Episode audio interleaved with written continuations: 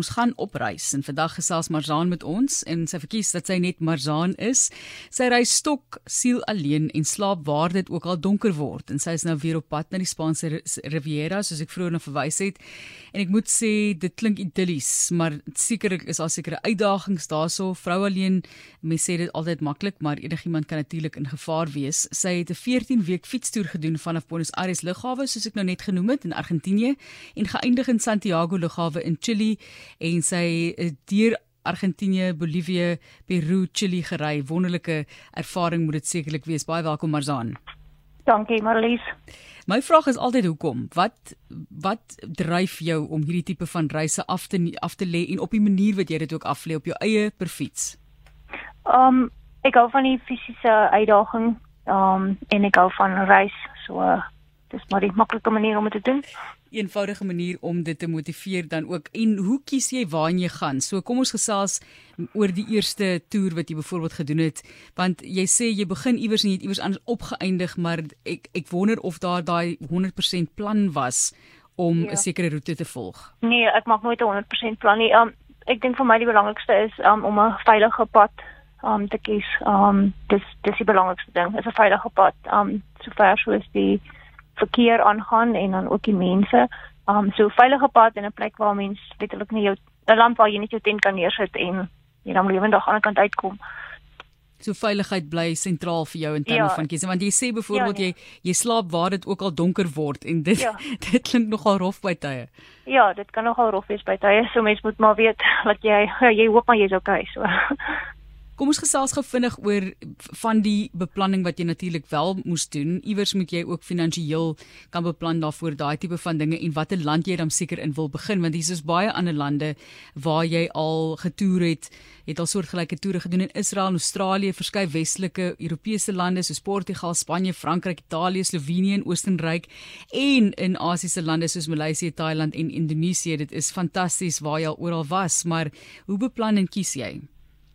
Um ja, is my is lande wat veilig is en dan um ek het nog 'n hele lys van ander areas waarna ek belangstel. Um hierdie manier van reis is nie baie duur nie. Die grootste koste is die feit dat jy nie werk nie en nie inkomste verdien nie. Um so um ja, mens moet dit maar, jy moet dit maar rondom jou werk probeer organiseer. Um en ek dink dit is die dit is die grootste rede hoekom nie baie meer mense 'n paar maande van die werk af gaan nie. So mens moet maar ja, dis seker maar die grootste beperking vir mense is dat hulle kan nie wegstap van hulle werk vir 'n paar maande nie. Maar um, ja, maar daar's daar's soveel opsies waar mens kan gaan ry.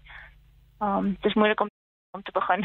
Dit is omtrent die daar is ja. soveel opsies wat 'n mens kan uitoefen, maar kom ons gesels oor die fiets gou vinnig want jy moet nou eers in 'n oh. land kom is dit moet heerlik wees om so deur die wêreld te reis met 'n fiets, maar dit moet ook seker moeilik wees om altyd op die regte plekke te kry en, en as die fiets breek of jy 'n ja, papwiel ja. kry, daai tipe van ding moet jy ook ja. infrastruktuur hê om dit reg te maak. Ja, baie mense um koop 'n fiets as hulle nou aan die ander kant kom, maar um ek vat altyd my eie fiets. Um en ek is nou al gewoond om om te pak um op die en op 'n vlug te sit laat ek aan die kant uitkom en ek hou van van die lughawe af vlieg. Ek wil nie sukkel om aan die ander kant nou nog 'n fiets te kry nie.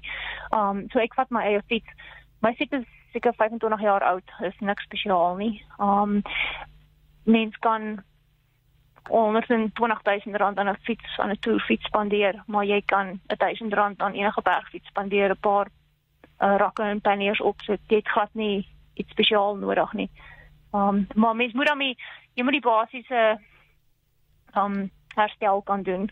Maar selfs dan ek het nog gesien jy kom altyd uit. Jy kry altyd 'n lift as jy as daar iets breek wat jy nie kan regmaak nie. Um maak nie saak waar jy is nie, jy kry altyd 'n pad uit. Um so maar dit help as jy die paar basiese goed kan regmaak. Um en ja, om om die rede as jy in 'n veilige land is en jy hitch en iemand tel jou op, wil jy dan weet jy gaan nie dorp haal. inderdaad, inderdaad. Ja, Kom ons ja. gesels 'n bietjie oor ervarings en ek weet dit moet so moeilik wees. Ons gaan nou net praat oor waar jy nou volgende gaan in die Spaanse Riviera klink klink net so idillies. Maar gee vir ons 'n idee van die ervarings wat jy gehad het wat vir jou uitgestaan het want dit is natuurlik hoekom mense gaan reis. Is nie net om te sien nie, maar ook om te ervaar. So vertel ja. vir ons van jou gunsteling ervarings oor die jare.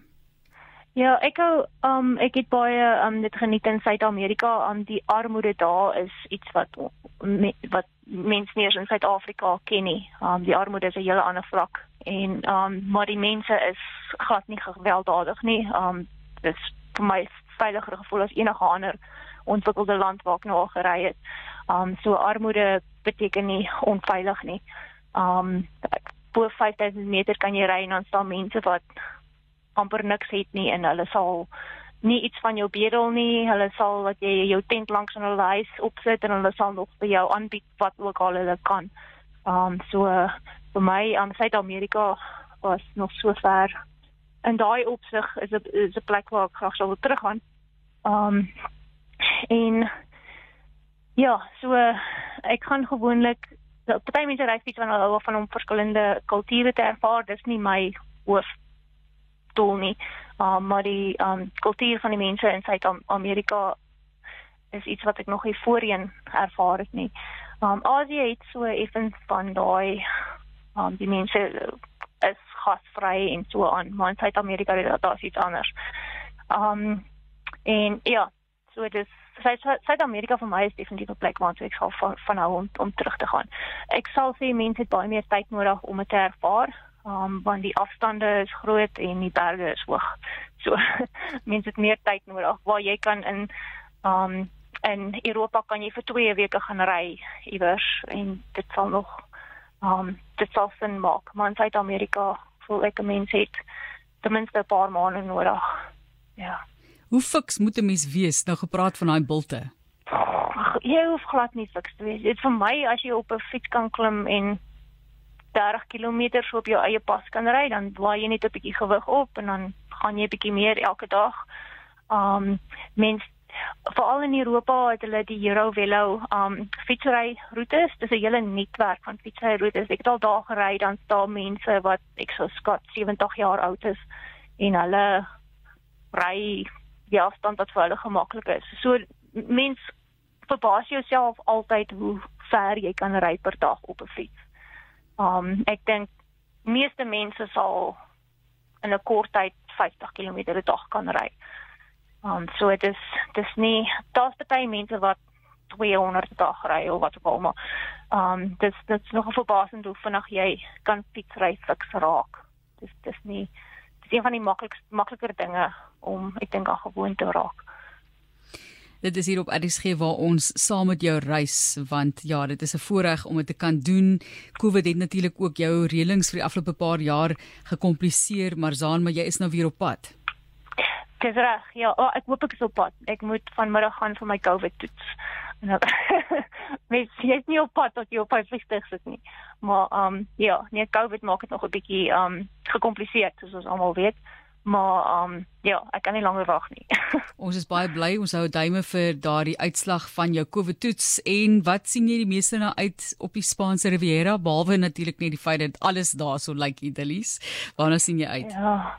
Ja, um ja, net lekker stil baie um lekker kamp op lekker stil berge en sulke dinge.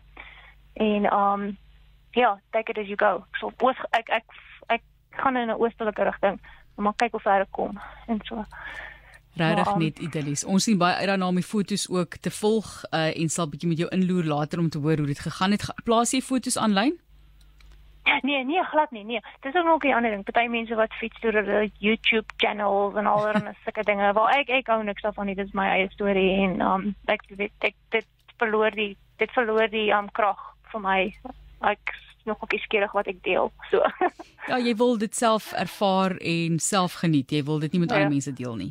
Interessant. Ja. Maar dankie dat jy dit met ons gedeel het. Ons waardeer dit ja. geweldig. En ek hoop jy het 'n heerlike volgende reis. Baie sterkte met al die reëlings wat wel op jou wag vir wat voorlê. Baie dankie. Baie dankie dit dan Marzaan wat met ons gepraat het oor haar reise deur die wêreld. Jo, ek het ek, ek moes eintlik vra vra hoeveel lande want ek tel hier so 'n lang lys en dit is fantasties dat sy dit kan doen. Vrou alleen met haar fiets en 'n sleepwaandjie is sy vermaande op 'n slag op reis deur die wêreld.